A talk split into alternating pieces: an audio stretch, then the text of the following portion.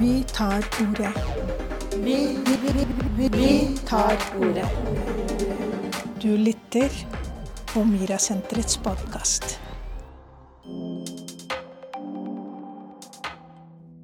Jeg kommer fra Egypt.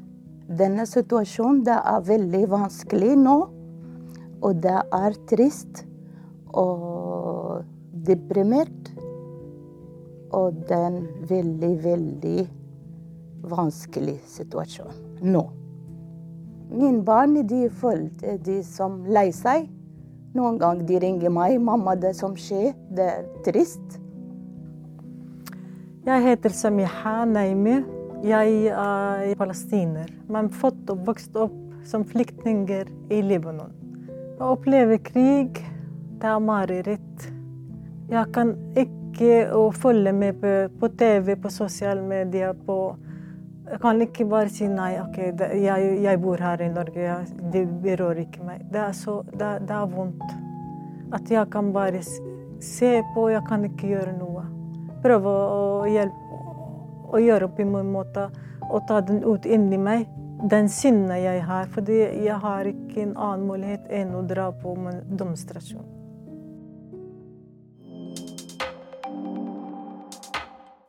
Det var Aziza fra Egypt og Samia fra Lebanon. Og dagens tema er hvordan påvirker krig og konflikt helsen vår. Og i studio så har vi Maria Therese Johns og Embla Middelkopp. Begge jobber med kvinner, og mange av dem har bakgrunn fra krigsrammede områder. Så vi går direkte inn til deg, Maria. Kan du fortelle hva sier forskning om påvirkning av krig og konflikt på eh, psykisk helse? Ja. Det, jo, det har jo vært en del forskning spesielt fokusert på psykisk helse. Um, og det viser jo at folk som har opplevd krig, eller befinner seg på krigsområdet, har større, altså er tre ganger utsatt når det gjelder depresjon, andre psykiske utfordringer. Og så tror vi 19-29% av de som på en måte opplever krig, ut, utgir seg for å, å vise tegn for eh, posttraumatiske lidelser når de kommer fra der de har opplevd krigen. Eh, og det viser seg at kvinner er dessverre de som er på en måte kommer større ut når det gjelder den gruppen. Kvinner og unge jenter. Og vi vet jo at i krig så er kvinner og unge jenter, og spesielt barn, en målgruppe som er veldig utsatt. Både altså, når det gjelder familierelaterte tanker, barnet, og spesielt fokus på barn. Det viser jo seg at barn opplever jo Altså, de får jo sjokk som på en måte kommer i etterkant når de flykter fra stedet, og så reagerer den der stressen, det de har opplevd i etterkant. Og det er ikke alltid de har forklaring på hvorfor de reagerer slik de gjør. Um, og vi ser jo det som skjer i Gaza i dag. Eh, dessverre. At barn er jo på en måte de som lider. Eh, og barn som på en måte utgir seg for å, å miste familien sin, og hvordan det på en måte påvirker dem psykisk, er noe på en måte man må jo ta til betraktning. At det er krig påvirker folk på en veldig stor skala enn det man vil tro. Eh, jeg sjøl er jo opprinnelig fra et eh, krigherjet land. Jeg har ikke opplevd krig på kroppen sånn som min mor har gjort, men jeg har opplevd en lignende borgerkrig når vi bodde i nabolandet. Så jeg kjenner litt på den følelsen i forhold til hvordan man kan bli påvirka. allerede. du reagerer på en vis måte når du hører lyder. At du, får, du ser bilder i hodet, og du sliter f.eks. med søvn. Ikke sånn, og viser lyder og, og bilder på en måte påvirker det på en helt annen måte enn det påvirker andre. Og de ser noen av de tegnene som på en måte utgjør hvordan man kan bli påvirka av krig. Både i forkant og i etterkant.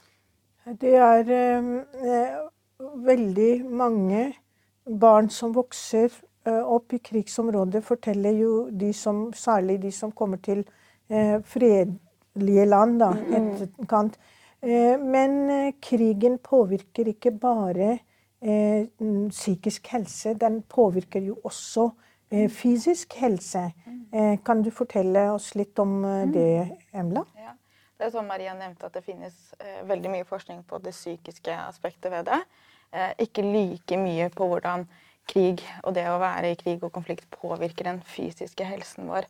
Men likevel så er det en del studier som ser at jo lengre botid, særlig hvis man har kommet som flyktning, så vil helsen kunne bli dårligere og dårligere.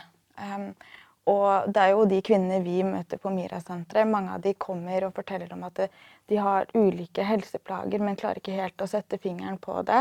Har vært hos legen, ikke fått noe særlig mer hjelp der.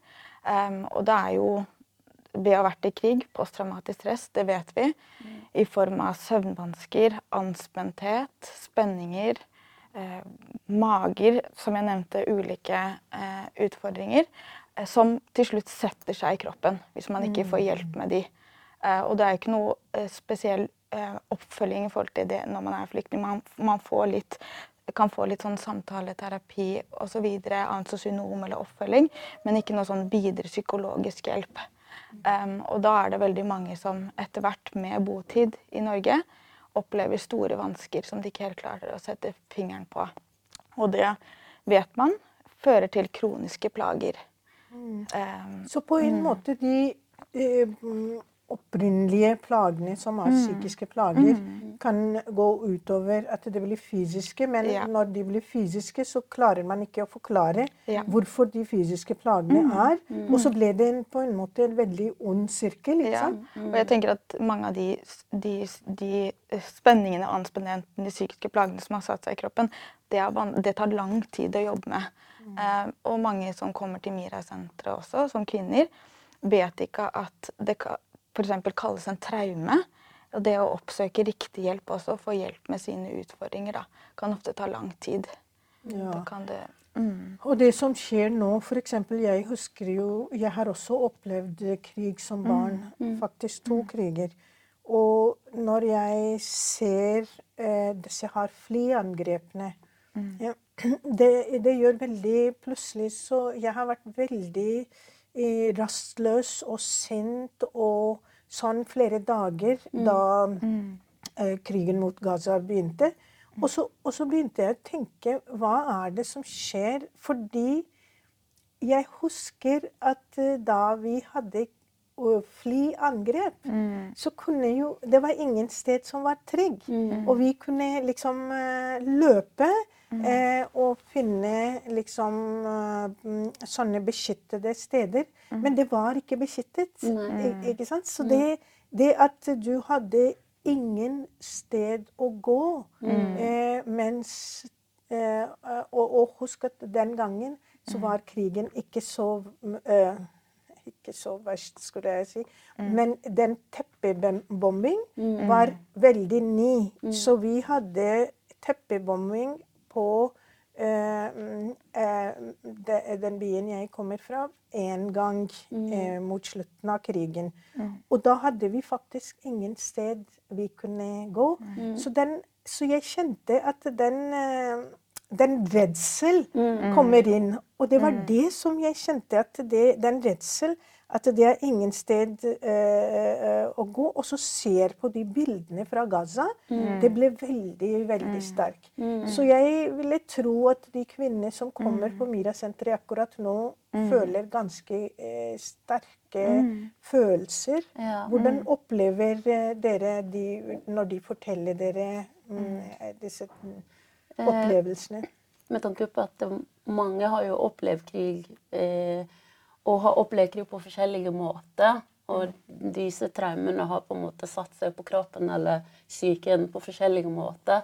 Men det er jo mange ganger man relaterer seg i forhold til den opplevelsen av det å se og gjenoppleve ting. For det er på avstand, så på en måte vekker det ting som har vært eh, ligget latent eh, over lengre tid. Så dukker de opp igjen, fordi man gjenkjenner ting som har Ja, skjedd da, som i skjedde bildet. med meg. ikke sant? Så det at, det at du gjenopplever på en måte. Ja. Det føles veldig nært for veldig mange. da. Mm. Og på Mira-senteret så Vi opplevde jo veldig i starten at eh, folk både ringte inn, men også at vi tok kontakt med kvinner um, som, syns, som satt alene og syntes dette var veldig vanskelig. da. Ja. Og minner på at de kunne også komme til Mira-senteret. Vi har også hatt åpent hus hvor vi har snakket om denne tematikken. da. Så Ja, og ta liksom felles samtaler og eh, liksom skape en type fellesskap. At, eh, Ja. at også at eh, mm, følelse av trygghet. Eh, for trygghet er det som mangler i krigssituasjonen. Ja. Eh, og det, den krigen som foregår nå, er jo ikke bare trygghet. Det er jo grunnleggende eh, mm, eh, ting som vann og mm, eh, mat og medisiner og sånn. Eh, og jeg tenker krigen har jo veldig mye også med fattigdom å gjøre. ikke sant? Det er områder som allerede er eh, rammet, blir rammet enda mer. når vi har hatt de samtalene i forhold til hvordan på en måte kvinnene kvinner refererer til hvorfor på en måte får ikke vi Altså de som er utsatt, får ikke den hjelpen de trenger. At det er mange som trenger altså barn, kvinner, trenger jo støtte og hjelp. Hvorfor tar det så lang tid for at de får den støtten? Hvorfor er det ingen som reagerer Altså ikke ingen, men hvorfor er det ikke det flere som reagerer og setter stopp på hvorfor dette her? systemet ikke Riktig. Og jeg tror det gir jo en følelse av at man tenker på den annerledesheten. Er det fordi vi er sånn som vi er? Er det derfor det tar lengre tid for hjelpen å komme? Og jeg tror for mange, når de tenker på det, så skaper det en følelse av å ikke høre til. Og det er derfor Mira-senteret har vært et område der man kan på en måte få eh, ut, altså få ting ut, da, fordi man ikke finner svar på det. Men det hjelper å snakke om det. Og så se om på hvilken måte man kan bidra med, til tross for at man er på avstand. Det er jo veldig synd at vi har hatt krig etter krig nå. For eksempel én krig slutter, så begynner den andre, og den slutter. ja. Og de slutter jo ikke. De er bare det at eh, de som kriger, er flyttet ut til et annet sted. Så det er en veldig ond sirkel av eh, konflikter. Mm, eh, Ser dere noen F.eks. nå har vi akkurat nå situasjonen at eh, på en side har vi mm, palestinerne, og på den andre side så har vi ukrainere. Eh, ikke sant? Så, så, og så, og, eh, vi- har det kommet noen spørsmål hvor kvinner tenker at hvordan ukrainske flyktninger blir tatt imot, og så hvordan egentlig ingen snakker om å ta imot palestinske flyktninger. Jeg tror, jeg tror på en måte det handler litt om det Maria snakket om, det i forhold til den annerledesheten. At eh, ukrainske flyktninger fikk komme, eh, eh, veldig mange. Eh, så det er absolutt noe vi har diskutert i de samtalene vi har hatt. At mange kjenner at det er veldig sånn Ikke urettferdig, men, men det føles som hele verden på en måte står og ser på Mm. der de kommer fra, og ikke gjør, og ikke sånn gjør noe med det. maktesløshetsfølelse. Ja, for jeg Ja. tenker, jeg tenker mange Frustrasjon også. Ja. Og mange tenker jo at det med en gang ikke at altså, begge, altså begge krigene har, jo, har sine ofre, som er barn og kvinner og folk. Men mange opplevde at måten verden reagerte når det var, når det var i Ukraina, sammenlignet med det som skjer nå i dag, er jo veldig, det er jo veldig stor forskjell. Ja. Men Maria, en ting jeg skal si når man bruker ordet verden, så egentlig eh, Jeg tenker kanskje vi må begynne å snevre oss til å bruke Vesten eller ja. Europa og USA. Direkte, Fordi eh, resten av verden, f.eks. afrikanske ja. land og, Ja, ja, ja. Det er jo over 128 eller Ja, ja, ja. 34 land Ja. som har egentlig brydd seg om Riktig, riktig. Eh, men eh, Europa, og inkludert Norge og eh, USA, har ikke eh, brydd seg om. Så kanskje man må begynne å bevisstgjøre folk på når er det Europa og USA mm, reagerer. Og det var krigen med eh, krigen i Ukraina. Ukraina, ja. Mens krigen mot palestinerne er det ingen som reagerer på. Mm. Mm. Nei, men det er riktig. Det, det syns jeg er fint at du på en måte bringer det litt Ja, der der det skal være. Jeg reagerer litt på, Ja, fordi jeg Nei, det- så jo på FN, og så så jeg i, mm, eh, på, i sosiale medier, så mange skriver det 'verden, verden'. Så tenker jeg Ja. ja, selvfølgelig, verden har jo reagert. Det er sant. Og, og, og det som også er veldig spennende, er at eh, jeg tenker et folk, Mm. til og med i Europa og USA, folk har reagert.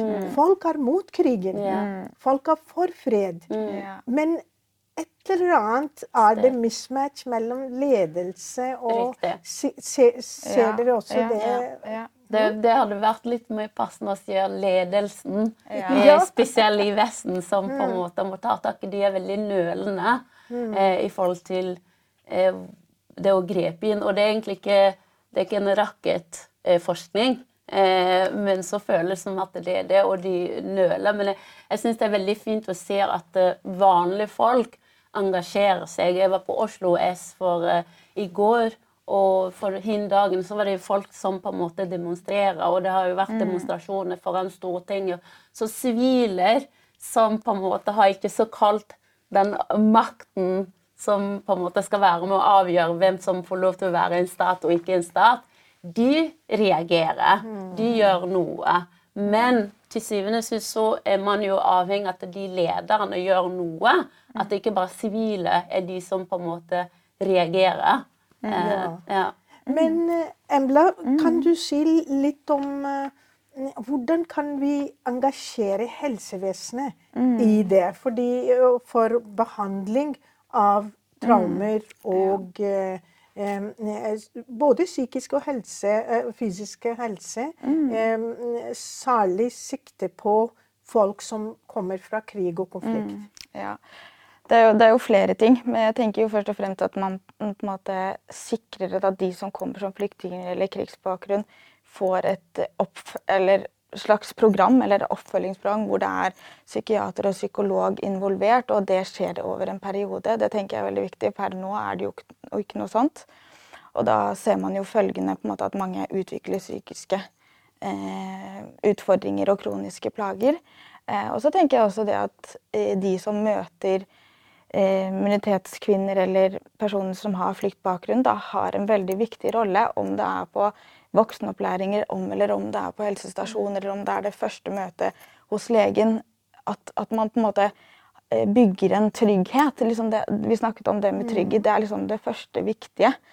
Um, og um, gjennom mitt arbeid så ser jeg det at um, veldig mange kvinner ikke blir møtt på den måten. Selvfølgelig det er gode historier der det blir ivaretatt, men det er også veldig mange historier der det ikke blir det.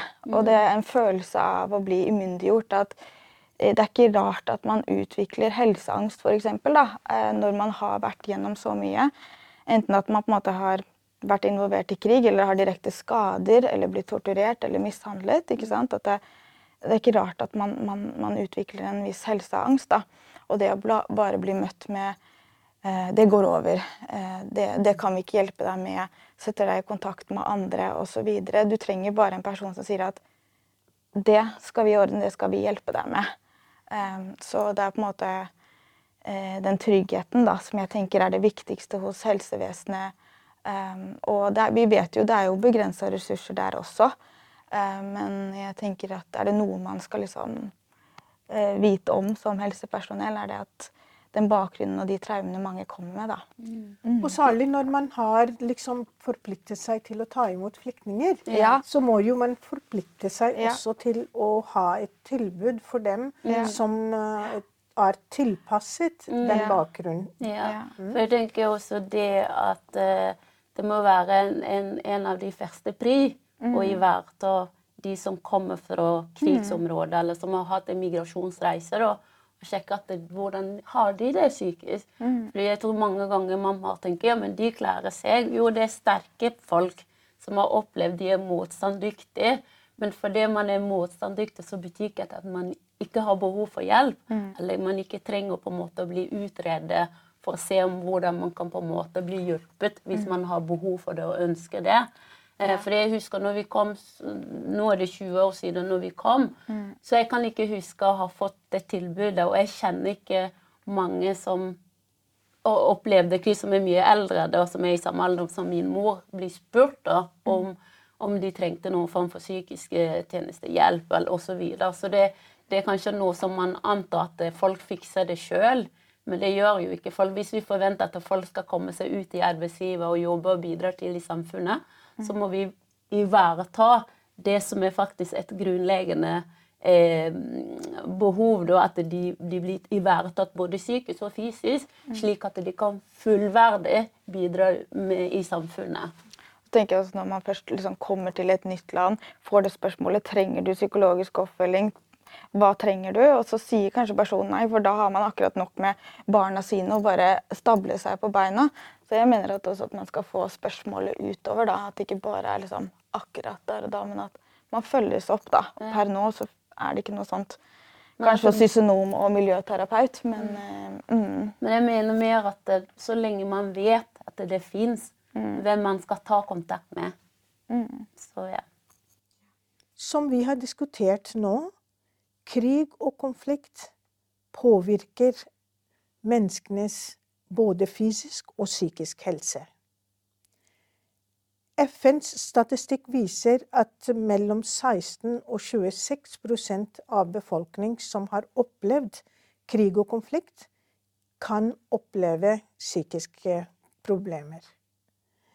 Når vi satser så mye på å krigsindustrien, og vi sier at det er for å skape trygghet i befolkningen, så foreslår jeg at vi også satser på i hvert fall halvparten av det på helse, forebyggende helse, helseplager som er egentlig konsekvens av krig og konflikt. Og særlig i Norge, hvor vi tar imot flyktninger fra krig- og konfliktområder, så er det veldig viktig at helsevesenet skal styrkes, slik at de kan gi den beste helsen som disse menneskene som har opplevd så mye vondt i livet, kan få hjelp til å føle seg trygge.